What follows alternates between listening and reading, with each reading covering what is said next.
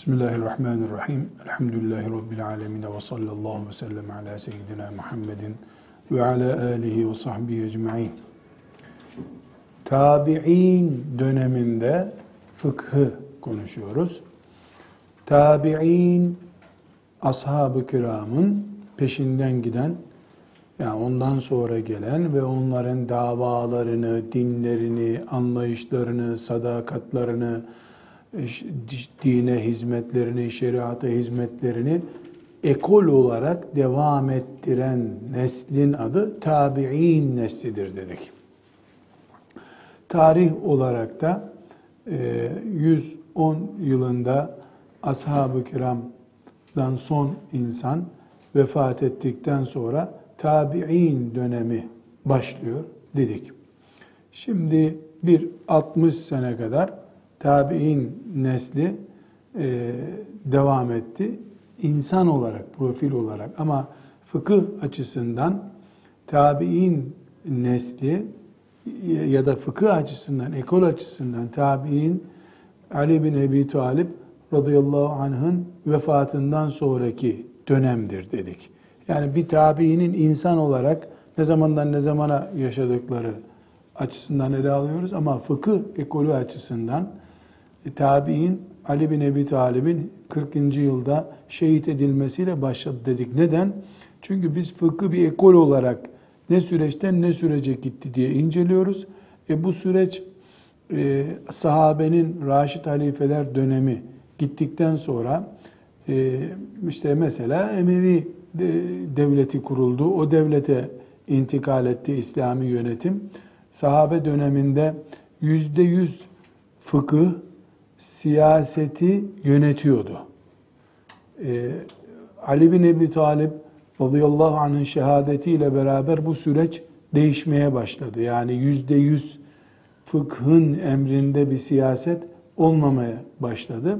Bütün bu nedenlerle yani sahabenin yaşı başı şuradan şurasıdır e, demiyoruz da veyahut da tabiinin yaşı şuradan şurasıdır demiyoruz da ekol olarak tabi'in fıkhı ekolü 40. yılda başladı. 100. yılda aslında bitti diyoruz. Ekol olarak, tabi'in ekolü olarak. Evet, şimdi bu günkü dersimizde de e, o güne ait e, yani tabi'in dönemine ait bazı ayrıntılara gireceğiz.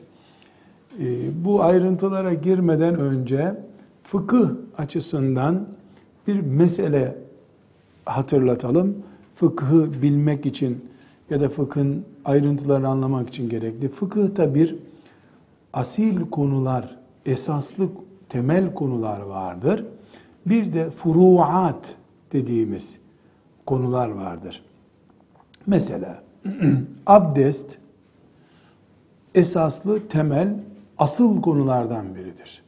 Abdestin bildiğimiz dört farzı da abdestin ana konusudur. Sahabe-i kiram dönemindeki fıkıh sürecinde abdest deyince Ömer bin Hattab'ın veya Ömer bin Hattab'tan ilim öğrenen, din öğrenen birisinin aklına gelen bu dört farzdı.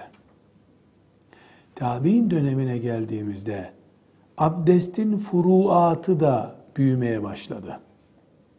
Şimdi sahabe döneminde abdest en alim Abdullah İbni Ömer mesela. Kalk Abdullah İbni Ömer. Buyur. Abdest neyi hatırlatıyor sana? Abdest bana dört farzı hatırlatıyor. Bitti. Peki tabi'in dönemine geldiğimizde bakıyoruz ki abdestin mekruhları diye bir konu da çıkmış piyasaya. Çünkü insanlar Peygamber aleyhisselamdan gördükleri abdest şekline ıvır zıvır bir şeyler ilave edip bazısını ihmal etmek gibi hatalar işlemeye başlamışlar. Abdestin mekruhları misal olarak devreye girmiş bu sefer. Daha sonraki dönemde bakıyoruz ki abdest konusu ashab-ı kiramda yarım sayfalık bir konuydu. Tabi'in döneminde bir sayfa oldu. Etbe'ut tabi'in döneminde bakıyoruz ki 5 sayfaya çıktı abdest. Şimdi 20 sayfaya bile sığmıyor. Yara bantıyla abdest nasıl olacak?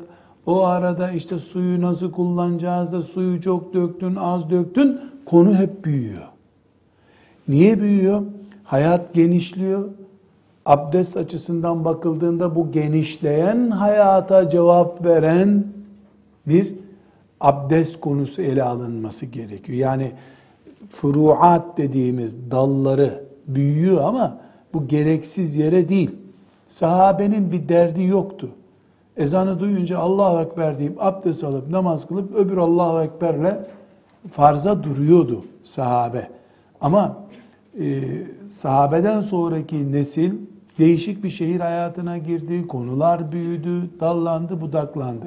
Bu sebeple sahabe döneminden ayırıp da öbür dönemi farklı görüşümüzün bir nedeni var. Bu neden hayat değişiyor. Değişen hayatta ezilmeyen bir din olması gerekiyor. Fıkhın geri kalmaması gerekiyor.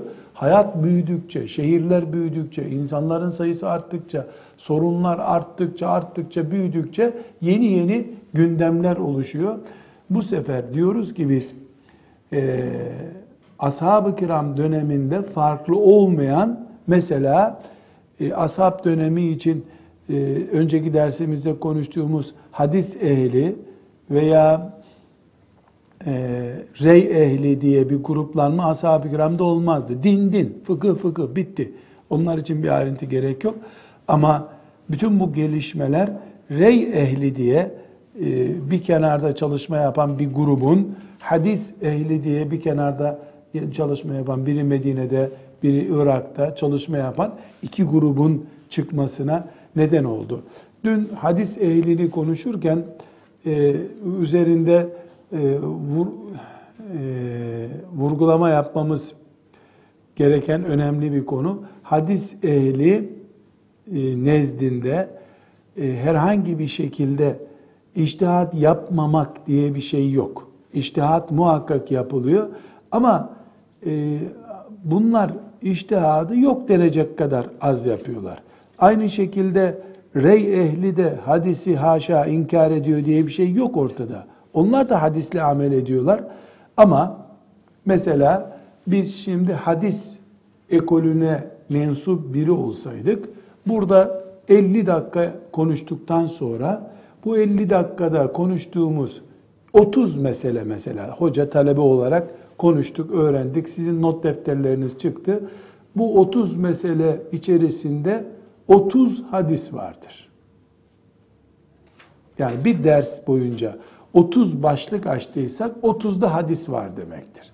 Hadislerin ayrıntılarında da 10-15 tane iştihat vardır.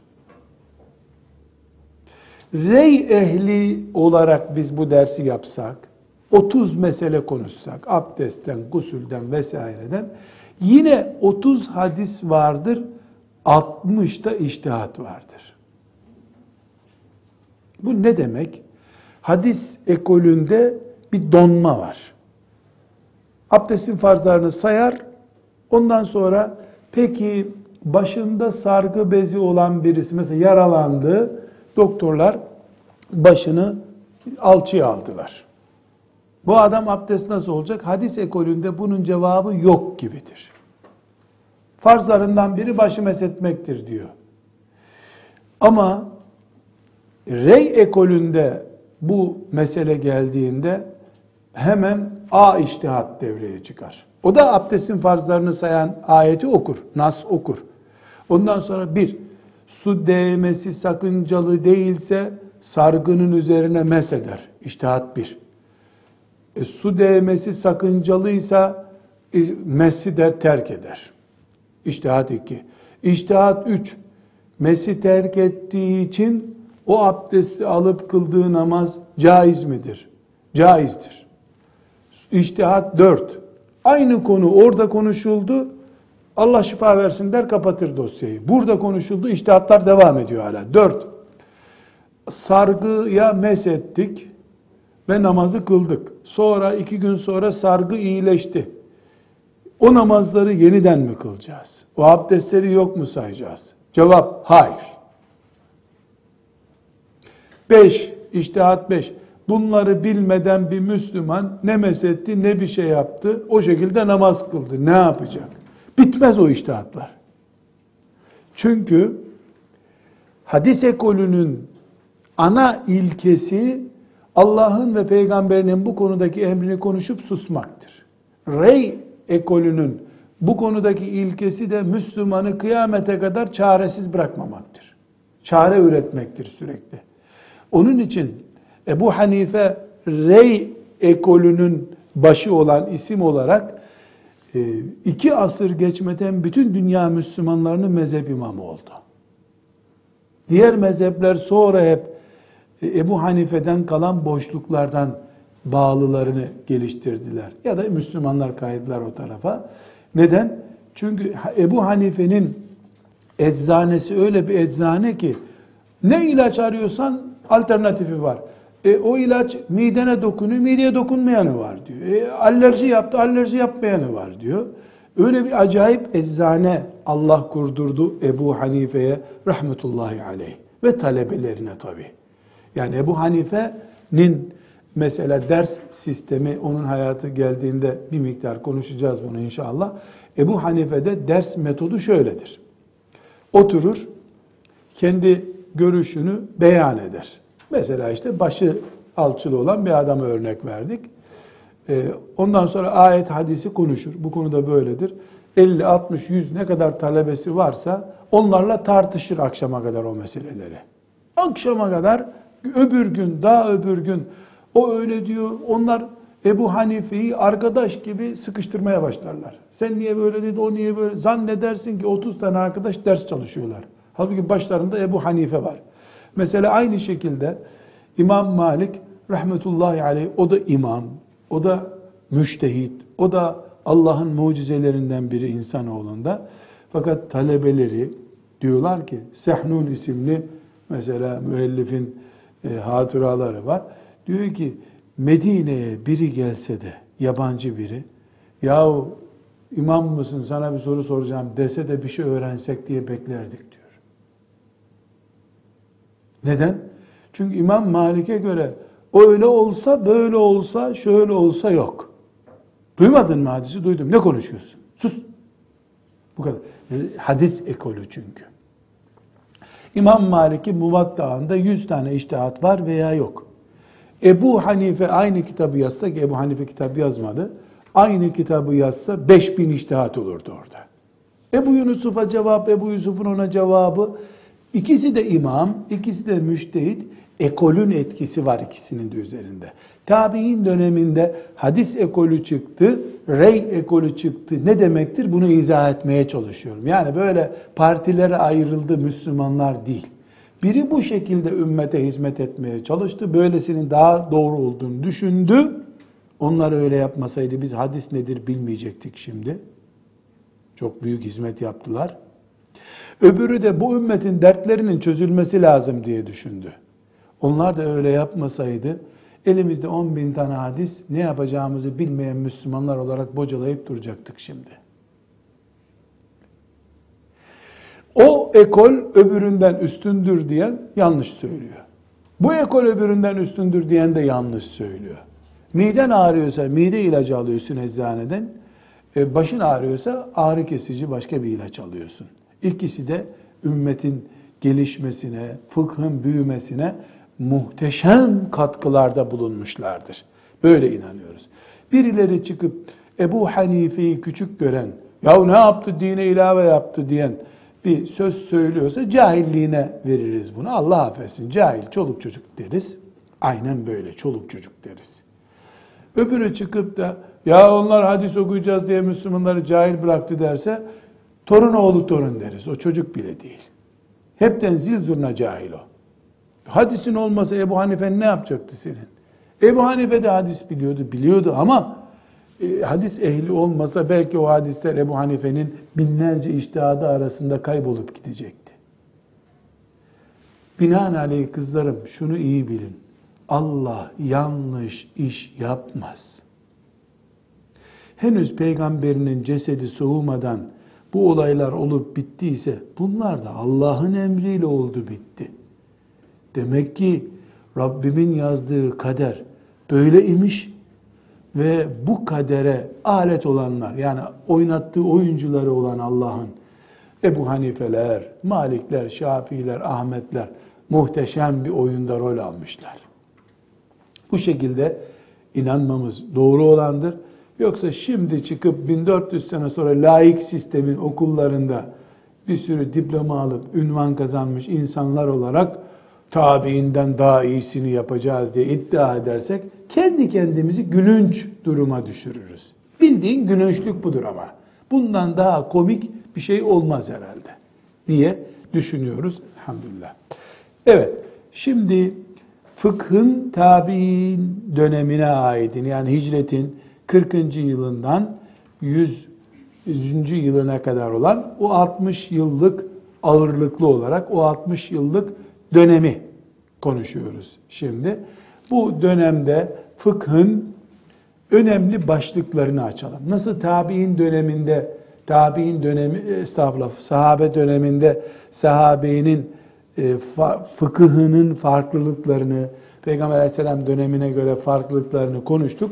Tabi'in döneminde de fıkıhı kuş bakışı incelediğimizde belli farklılıklar ortaya çıkıyor.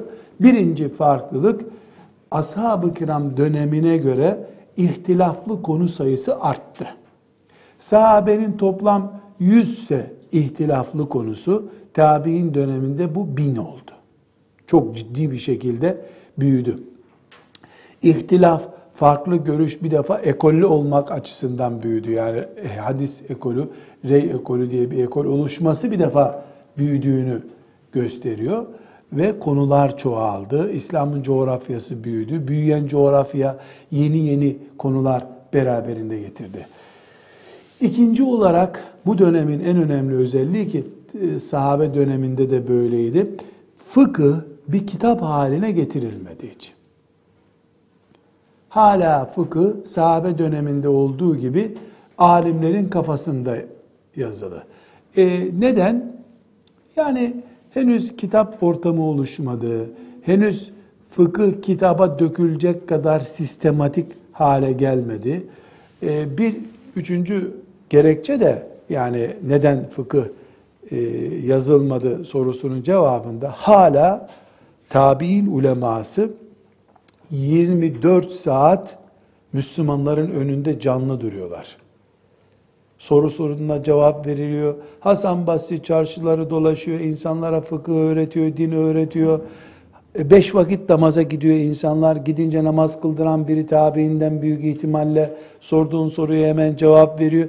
Yani niye insanlar kitap yazsınlar ki? Hocalar canlı e, kaset gibi önlerinde veya bir flash disk gibi e, alimler, tabiinin büyükleri her şehirde, her eyalette 3, 5, 10 tane tabi alemi canlı bulunuyor. Dolayısıyla e, fıkıh kitabı bir ihtiyaç değil adeta. Ama biz kendi açımızdan baktığımızda keşke o zaman Hasan Basri'nin notlarını bugün bulsaydık diyoruz.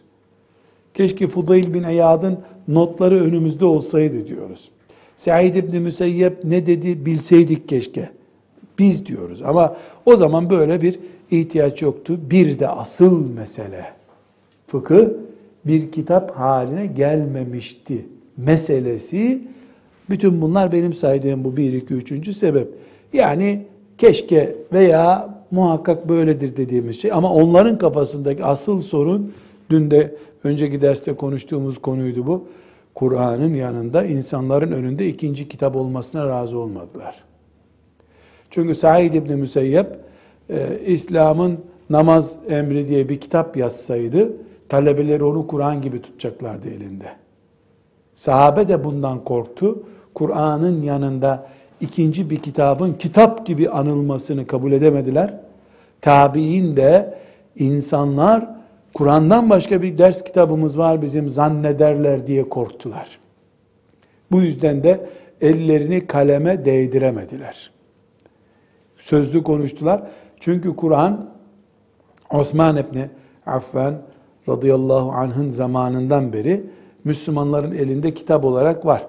Yani her eyalete bir musaf gönderildi. E ondan da hafızlar vesaireler yazıp musafları çoğalttılar. Yani Müslümanların elinde bir kitap olarak yazılı musaf var zaten. İkinci bir kapağı olan yazılmış bir kitaba tahammül edemedi ashab-ı kiram. Tabi'in nesli de onların bu titizliğini gördüğü için e, onlar da ikinci bir kitabımız, yazılı bir kitabımız olsun asla düşünemediler. Tabi kızlarım bu düşüncenin ne kadar muhteşem Kur'an'a saygı olduğunu bir kere daha düşünmemiz ve onların Kur'an'a imanlarının nasıl bir iman olduğunu anlamamız gerekiyor. Dün önceki derste de örnek verdiğim gibi bir de bizim Musaf'ı okuyor, abdestli tutuyor, abdestsiz tutuyor. Ne olacak diyor. Üstüne resimli bir kitap koyuyor. Okuduğu gazeteyi Musaf'ın üstüne koyuyor. Biz de iman ehli, Kur'an'a iman edenler olarak biz de cennete gireceğiz. Said İbni Müseyyeb'in notlarını aman yazmayalım, Kur'an'a benzer bu diye korkup, Kur'an'a bu derece saygı gösteren nesil de Kur'an'a iman ediyor diye cennete girecek. İnşallah hepimiz cennete gireceğiz ama bu farkı muhakkak hesap edecek Allah.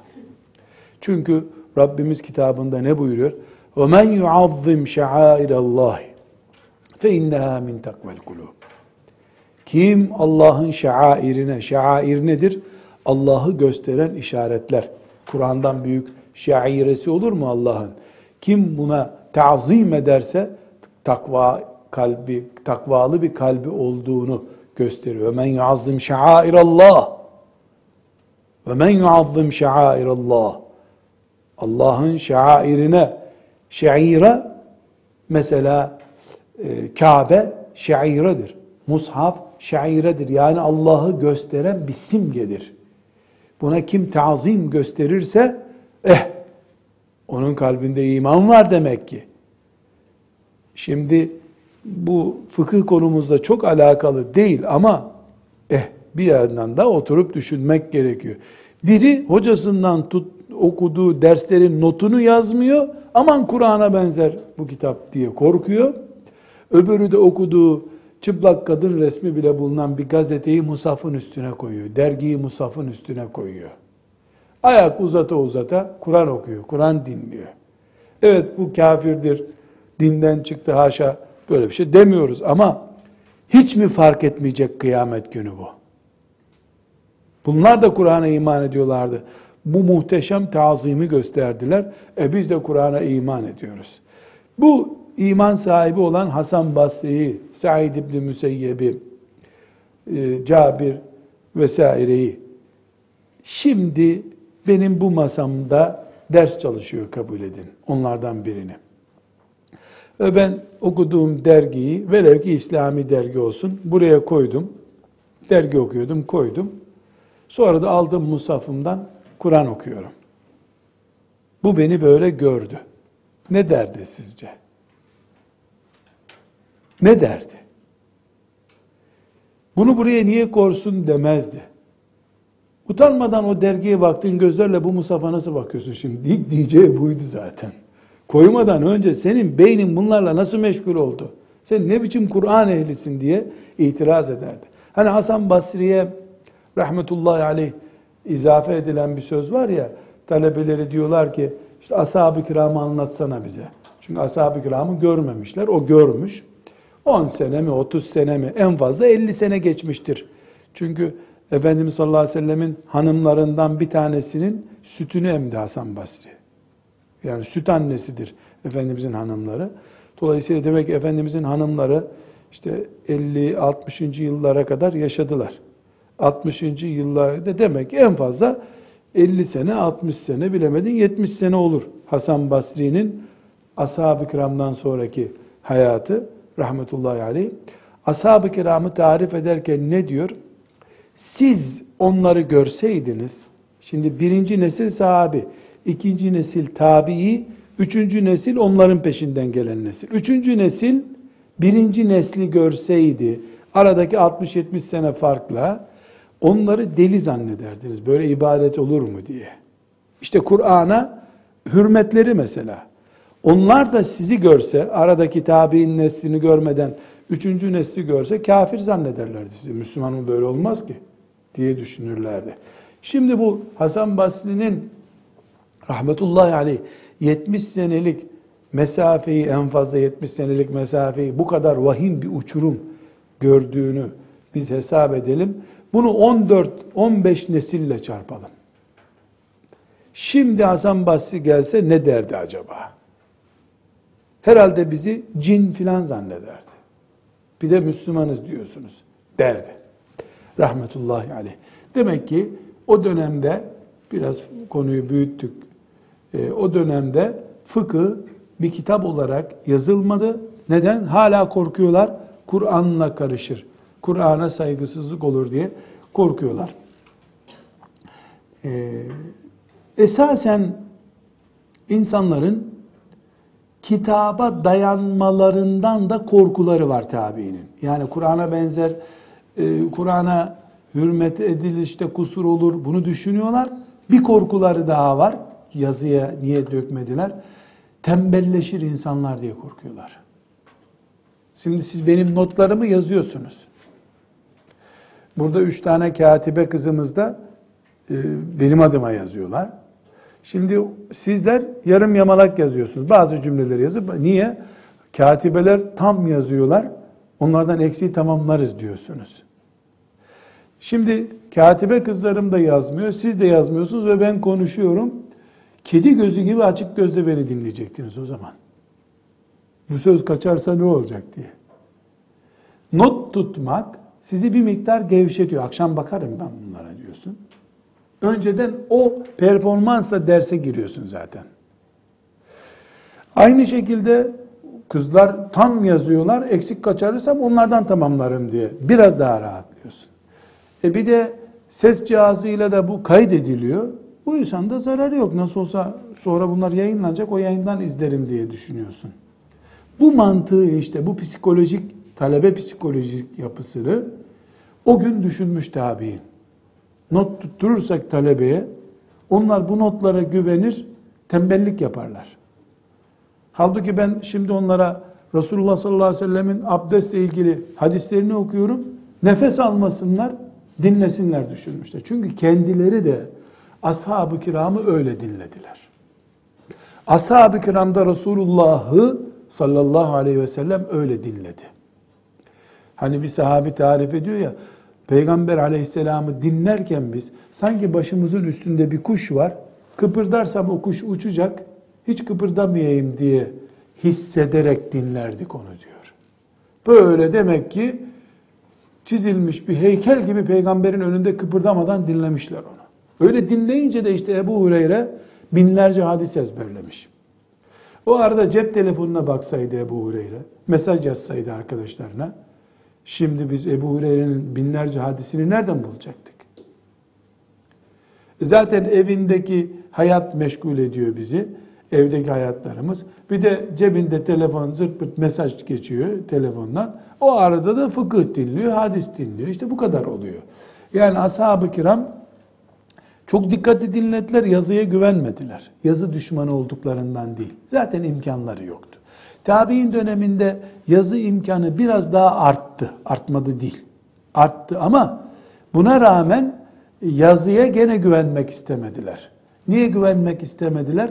Çünkü eğer yazacak olursak talebe tembelleşir diye korkuları oldu. Bir de Kur'an meselesi vardı. İmam Gazali e, rahmetullahi aleyh e, ilk İhya Ulumuddin'in ilk bölümünde, ilim bölümünde çok güzel bir örnekleme veriyor. Ashab-ı kiramın neden yazmadığını, tabi'in neslinin e, neden yazı yazmadıklarını, kitap yazmadıklarını anlatıyor. E, defalarca zikrini ettim. Tekrar vurguluyorum. Gazali onsuz olmaz bir alimdir. İhya ulumuddin okumamış talebeden de talebe olmaz. Hiçbir şekilde olmaz. İhya-i Ulumuddin bir antibiyotik gibidir. Tembellik, e, günah vesaire mikroplarına karşı müthiş bir antibiyotiktir. Ama çok fazla kullanmayacaksın, fena yan tesir yapar. Yani antibiyotik içinde 30 tablet bulunan bir antibiyotiği bir günde kullanırsan soluğu morgda alırsın. İhya Ulumuddin mikroplara karşı tembellik, günah, uyuşukluk, gaflet mikrobuna karşı antibiyotik gibidir. Çok kullanılmaz. Hemen mezara götürür. Ne mezarına götürür? Uyuşukluk mezarlığına götürür bu sefer. Ben ihya okuyorum diye ömrün geçer. O ilaç yüzünden hastanelik olursun maazallah. İhyasız kütüphane olmaz. Hiçbir tercümesi de İhya Ulumuddin değildir. Kolay bir Arapçası vardır. Hafif bir gayretle herhangi bir Arapça mesela emsile, bina, maksut ve avamil okuyan biri, çok özellikle söylüyorum, avamile kadar okuyan biri İhya Ulumuddin okur ve anlar. Bir 50-60 sayfayı hocasıyla okur, gerisini de Allah'ın izniyle böyle çorap söküğü gibi deniyor ya, çorap söküğü gibi okuyabilir. İhya okumamış insan, mikroba karşı antibiyotik almamış birisi gibidir. Bu şekilde bilelim. Ama antibiyotiktir. Fazla kullanılmaz. E, yan tesiri olur. Evet. Şimdi Gazali ilim bölümünde e, en son çıkan e, Minhaç baskısı diye bir baskısı var. Onun 291. sayfasından naklediyorum. Arapça metin olarak okuyayım sonra El kütübü ve tesanifu muhdesetun lem yekun şey'un minha fi zemeni sahabeti ve sadri tabi'in. Bu kitap ve tasnif, kitap ve tasnif yani aynı manada ikisi diyebiliriz. Yazı ve kitaplaştırma sonradan çıkmış şeydir. Sahabe zamanında ve tabiinin ilk döneminde böyle bir şey yoktu. Ve innema hadeset ba'de seneti mi'etin ve işrine minel hicreti ve ba'de vefati cemi'i sahabeti ve cümleti tabi'in radıyallahu anhum ve ba'de vefati Sa'id ibn el-Musayyeb vel Hasan ve khiyar tabi'in kânel evvelûn yekrahûne kütübel ahadisi ve tasnifel kütüb ee, teberrüken yani Arapçasının kolay olduğunu ispat etmek için okuyorum. Ee, hadis e, kitapları ve fıkıh kitapları o ayrım yapmadan yani kitap olarak e, kitap yazımı hicretin 120. senesinde ashab-ı kiramın tamamı tabiinin de büyükleri ve çoğunluğu vefat ettikten sonra Said İbni Müseyyep, Hasan Basri ve Hıyarut Tabi'in dediği tabiinin hani yedi tane büyük fakih demiştik ya onlar vefat ettikten sonra onlar çünkü çok diretiyorlardı bu konuda yazılmaması konusunda. Onlar vefat ettikten sonra hicretin 120. senesinden sonra kitap yazılmaya başlandı deniyor. Diyor Gazali. Bel kânel evvelûn yekrahûne kütübel ahadisi ve tasnifel kütüb. Hadis kitaplarını ve kitap yazmayı o ilk nesil mekruh görüyorlardı diyor. Yazmayı uygun görmüyor. Neden? Kur'an'a benzer talebe tembelleşir korkusundan. Örneğimi hiç unutmayın sizin üzerinizden. Yarınki derse geldiğinizde yazı yazmak yasak, kameraya kaydetmeyeceğiz diyeyim. Bakın nasıl dikkatli dinleyeceksiniz. Hele imtihanda da çıkacak bunlar dersem e, bir kere de ezberlersiniz. Ashab-ı kiram öyle dinlediler. Tabi'in de onlara öyle bağlandılar. Öyle yapmasalar, kitaba yazsalardı belki bu kadar ciddi dini toplayıp bize getiremeyeceklerdi. Bunda da e, cevabını devam ediyor. Niye yazmadılar? لِيَلَّا يَشْتَغِلَ النَّاسُ biha Bu kitabeyle, yazı yazmayla insanlar meşgul olmasınlar. Anil hifzi, ezber yapmaktan. yani ne konuşursa Hasan Basri ezber yapılmasını istiyor. Konuşuyor, ezberliyorlar. Konuşuyor, ezberliyorlar. Ve anil Kur'ani ve anil tedebburi ve tezekkuri. Ee, Kur'an konusunda tedebbur, oturup düşünme ve tezekkur aralarında bu konuyu canlandırmada tembellik yapmasın talebeler. Ve kalu dediler ki bunu sloganlaştırabilirsiniz bakın. İhfazu kema kunna nahfazu. Biz ezberliyorduk siz de ezberleyin. Demek ki tabi'in ne diyormuş? İhfazu kema kunna nahfazu. Biz ezberlediğimiz gibi siz de ezberleyin. Yani bunu üstelik de yani kaçak kuçak yapmıyorlar bu kitap yazmama işini. İhfazu kema kunna nahfazu. Şimdi tabi kızlarım sizin de kabahatiniz yok. Biz de öyle yaptık, siz de öyle yapıyorsunuz. İmtihan akşamı çalışıp ne çıkacak bakalım diye çalışan nesil ihfazu kema kunna nahfazu'yu anlamaz. Ama başında bir kuş var aman uçar kıpırdarsam diye o ciddiyetle dinleyen birisini dinleyen tabii ne dedi? İhfazu kema kunna nehfazu. Biz ezberliyorduk. Siz de ezberleyin. Şimdi bunu öğrenciye söylediğin zaman ne cevap verecek? E sen zaten imtihan akşamı çalışmıştın. Biz de imtihan akşamı çalışırız diyecek. Bereket de bu kadar işte. Tamam imtihan akşamı full puan alırsın. İmtihandan sonraki hafta da e, hiç imtihan bitti. İlim de bitti. İhfazu kema kunna nehfazu. Tabi'in sloganı bu. Gazali'nin naklettiğine göre rahmetullahi aleyh. Bir de üçüncü neden neyi konuşuyoruz? Tabi'in döneminin e, fıkhının temel özelliklerini konuşuyor. Birinci olarak ihtilaf genişledi dedik. İkinci olarak kitap yazmadı tabi'in dedik. Üçüncü olarak da e, tabi'in döneminde ashaba göre farklılık gösteren nedenlerden biri yavaş yavaş fıkıh siyasetin emrine girmeye başladı. Yavaş yavaş. Şimdiki gibi değil tabi. Şimdi mesela Diyanet siyasi bir hükümete bağlı şu anda. Seçimle gelmiş, şucu bucu bir hükümete bağlı. Emretse, mesela dese ki Diyanet'e, ezanlar okunmayacak artık. Kamuoyu rahatsız oluyor. Diyanetin haddinizi bilin deme hakkı var mı? Yok. Olmadı nitekim 18 sene.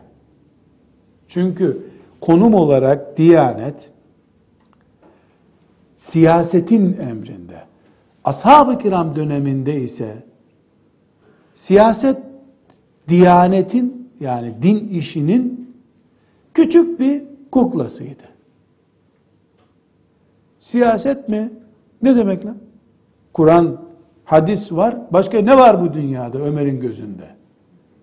Kur'an var, Resulullah var, Allah var, Cebrail var. Siyaset mi ne? Kim nereden çıktı bu? Öyle bir mahluk yok dünyada Ömer'in gözünde. Zaten siyaset Allah'ın dediği, peygamberin dediği. Ömer'in gözünde öyleydi. Tabi'in döneminde Emevi dönemi, tabi'in dönemi Emevi dönemi. Şunu kızlar çok e, bir tarih konusu olarak bir kenara yazınız. Bu fıkıhımızla alakalı değil ama çok önemli bir konu. Tabi'in döneminde siyaset Emevi denen bir iktidara bağlıydı. Emevi dönemi zulmün en dorukta işlendiği bir dönemdir. Gerçekten zalim. Ömer bin Abdülaziz dönemi hariç iki yıldır o da zalim bir yönetimdir. Bu hakikat.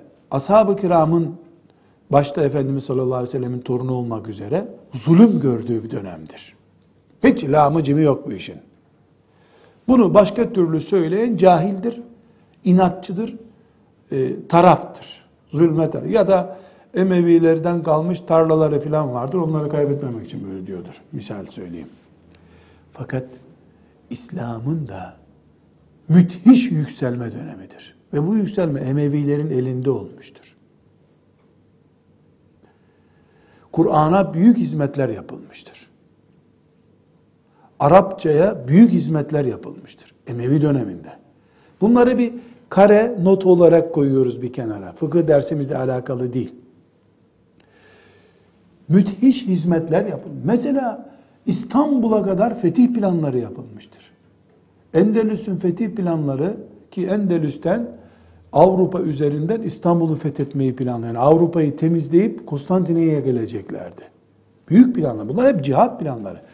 Cihat açısından, Kur'an'ın e, bugünkü okunur hale gelmesi açısından, İslam'ın toprak olarak büyümesi açısından, Resulullah sallallahu aleyhi ve sellemin ırkı olan Arap ırkı ve Kureyş'in ümmetin başında bir otorite olması bakımından müthiş bir hizmet yapılmıştır. Emevi döneminde. Dolayısıyla Emevi döneminde İslam ve Müslümanlar büyüme açı, siyaseti açısından büyük hizmet gördüler. Ama Emevi yöneticileri Ömer bin Abdülaziz hariç zulmettikleri için ağır veballerle Allah'a gittiler. Emevi döneminin en meşhur isimlerinden bir Haccac İbni Yusuf Es-Sakafi denen adamdır. Türk halkı onu Haccacı zalim olarak bilir. Çok insan öldürmüş. Çok ama.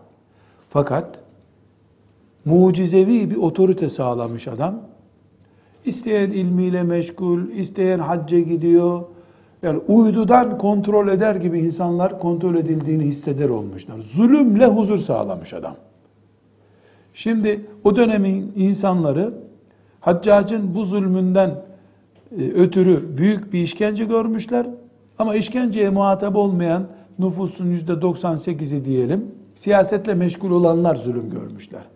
İktidara aman bir zarar verirsin korkusuyla muhtemel suçları bile cezalandırmış. Böyle bir adam.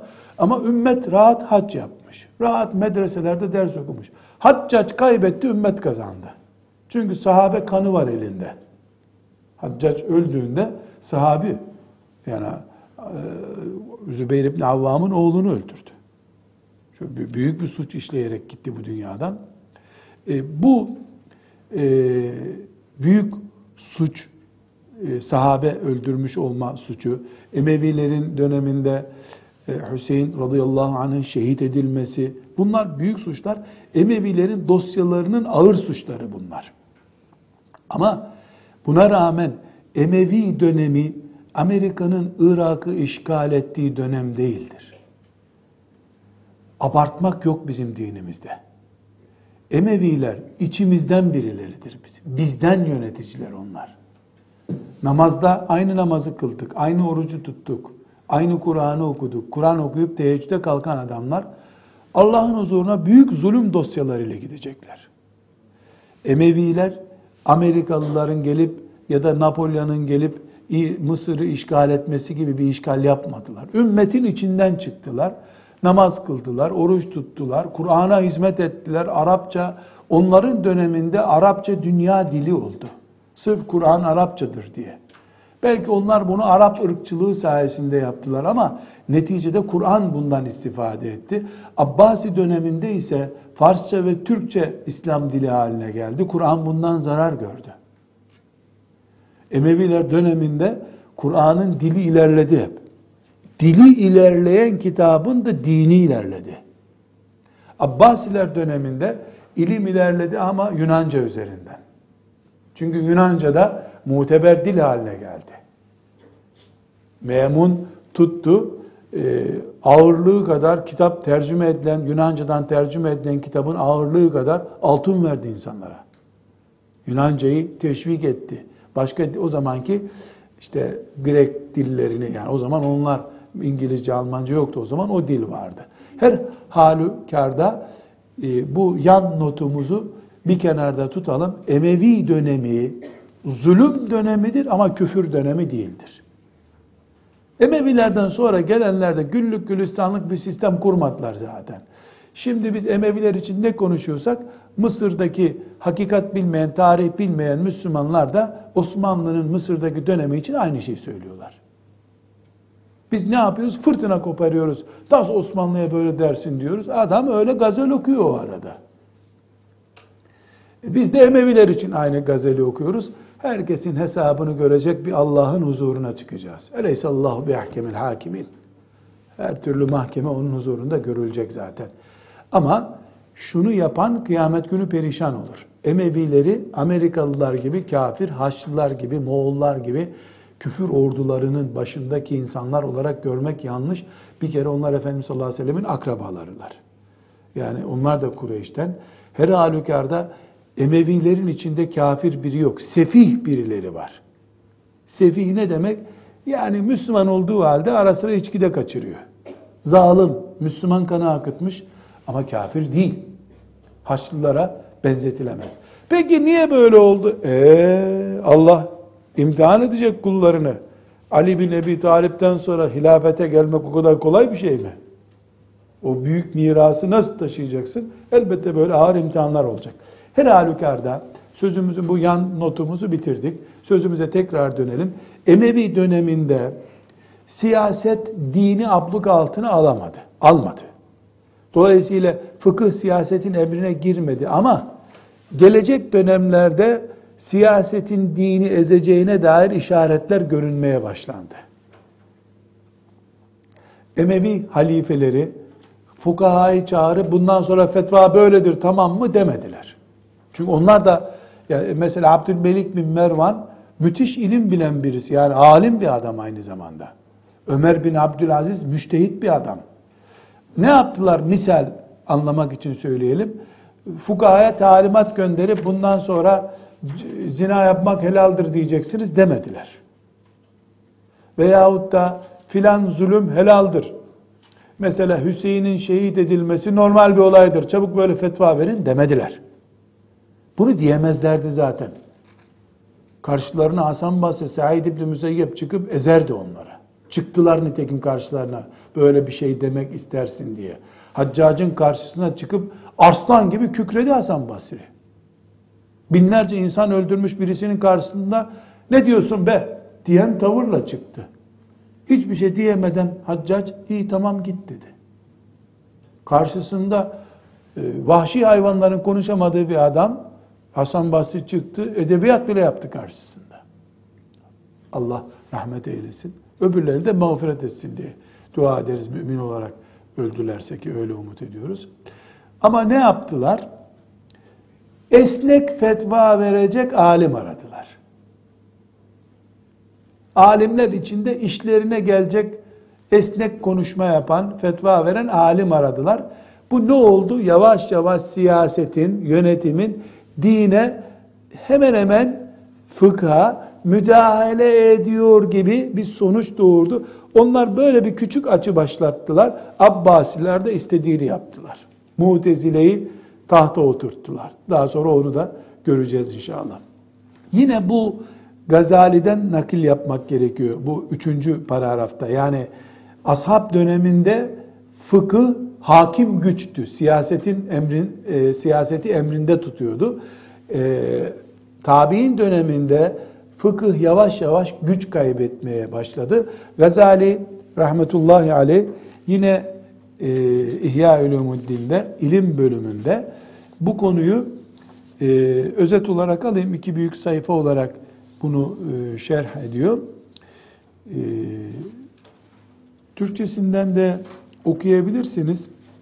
E, Türkçesinde de birinci cildin, bu dört ciltlik olan İhya Ulumuddin'in birinci cildinin 109. sayfasından 110. sayfasına kadar bölümde. E, Türkçe okuyayım bunu, anlaşılması kolay olsun. Burada e, halifeler, e, Raşid halifeler dönemindeki fıkhın durumuyla e, tabi'in dönemindeki fıkhın durumunun ne noktada olduğunu özetliyor. Böyle özet bir iki paragrafını okuyayım. Bilmiş ol ki hilafet vazifesini peygamberimizden sonra Hulefai Raşidin almışlardı. Bunlar dikkat et şimdi Hulefai Raşidin'i tarif ediyor Gazali.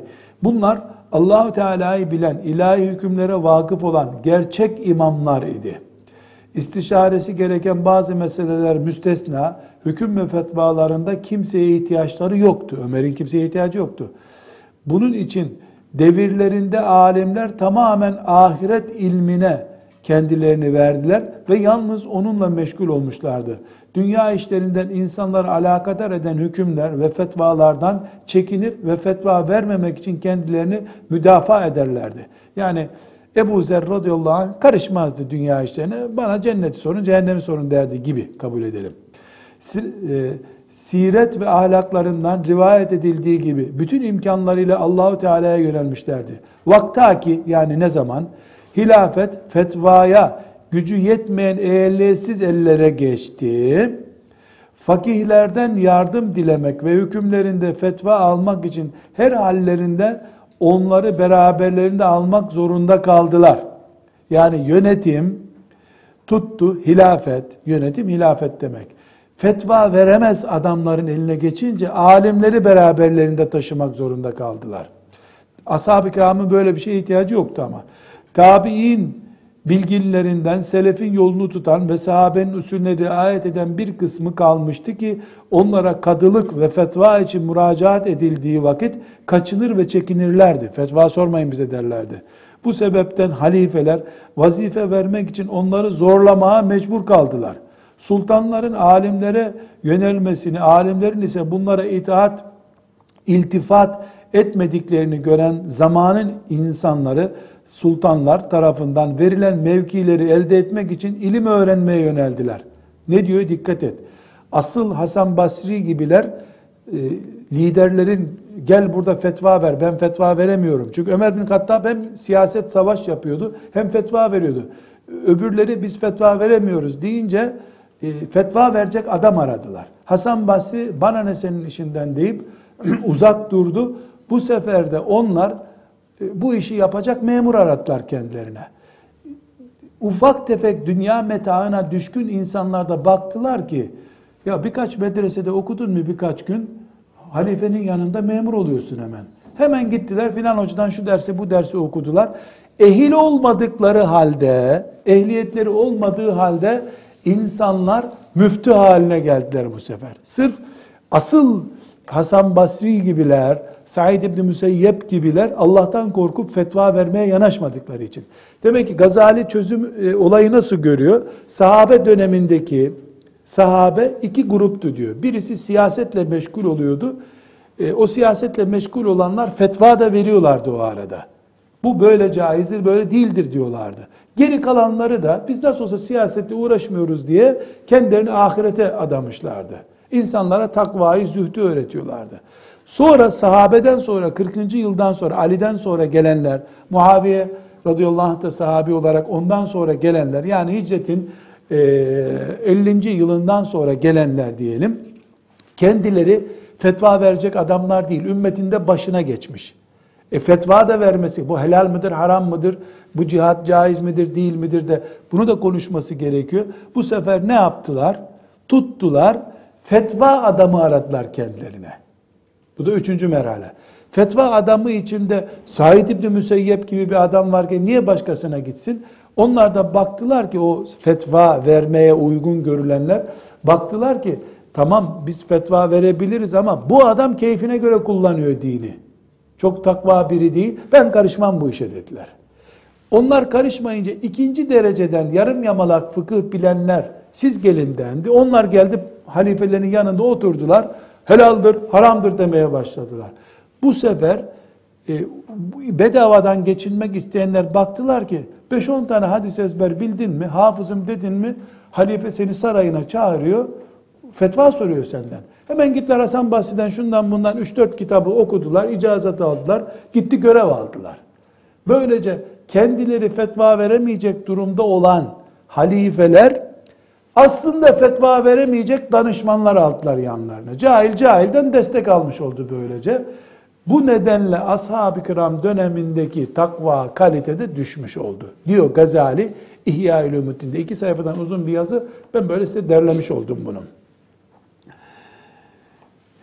Evet, neyi konuşuyoruz?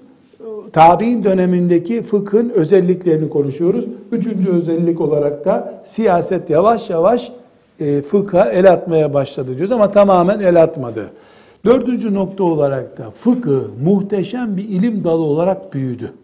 Çünkü konular çoğaldı, coğrafya çoğaldı. Ve beşinci konu olarak da faraziye fıkhı, farazi, yani farazi, iftirazi ne demek? Farazi, iftirazi, ee, yok ortada bir konu soruyor. Mesela ben e, üstümden araba geçerse, o arada kolum koparsa, abdest alırken ne yapacağım? Araba geçti mi üstünden? Yok. Kolun duruyor mu? Duruyor. E, ileride kolum koparsa nasıl abdest alacağım? Buna iftirazi yani sanal soru diyoruz. Yok ortada böyle bir şey.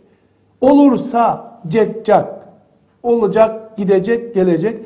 Bu tip bir fıkıh oluştu. Ne demek bu tip fıkıh oluştu? İnsanlar bu şekilde de fıkıhla ilgilenmeye başladılar. Ve altıncı noktada sünnet yani hadisi şerifler diyelim önceki dönemden sahabe döneminden daha fazla ilgi görmeye başladı. Bu çok önemli bir nokta kızlar. Bunu yanlış anlamayın. Yani ashab-ı kiram sünnete ilgi göstermiyordu değil. Ama hep konuşuyorlardı sünneti. Yazılmaya, kitaplar hazırlanmaya, konferanslar verilmeye şimdiki ifadelerle söyleyelim. Daha fazla ilgi görmeye başladı sünnet. Büyük ilgi gördü sünnet. Neden? Çünkü din tehlikesi, kaybolma tehlikesi gösterince e, ashab-ı kiram başta olmak üzere tabi'in döneminde kalanlar ve tabi'inin büyükleri sünnete can simidi gibi sarıldılar. İşte ehli hadis de bunun için çıktı dedik. Bu altı özellik tabi'in dönemindeki fıkhın özelliğidir. Fıkhın o dönemde kullandığı kaynaklar nelerdir? Kur'an birinci kaynak, sünnet ikinci kaynak, icma üçüncü kaynak ve kıyas dördüncü kaynak. Kıyas ne ediyorduk? Yani alemin e, mevcut bir hükme benzeterek yeni bir hüküm vermesine diyorduk. Her halükarda tabi'in dönemi de bütün bu özellikleriyle konuşulmuş oldu. Şimdi 101. yıldan itibaren imamlar dönemi diye bir döneme geçeceğiz inşallah. Sallallahu aleyhi ve sellem ala seyyidina Muhammed ve ala alihi ve sahbihi ecma'in. Elhamdülillahi Rabbil alemin.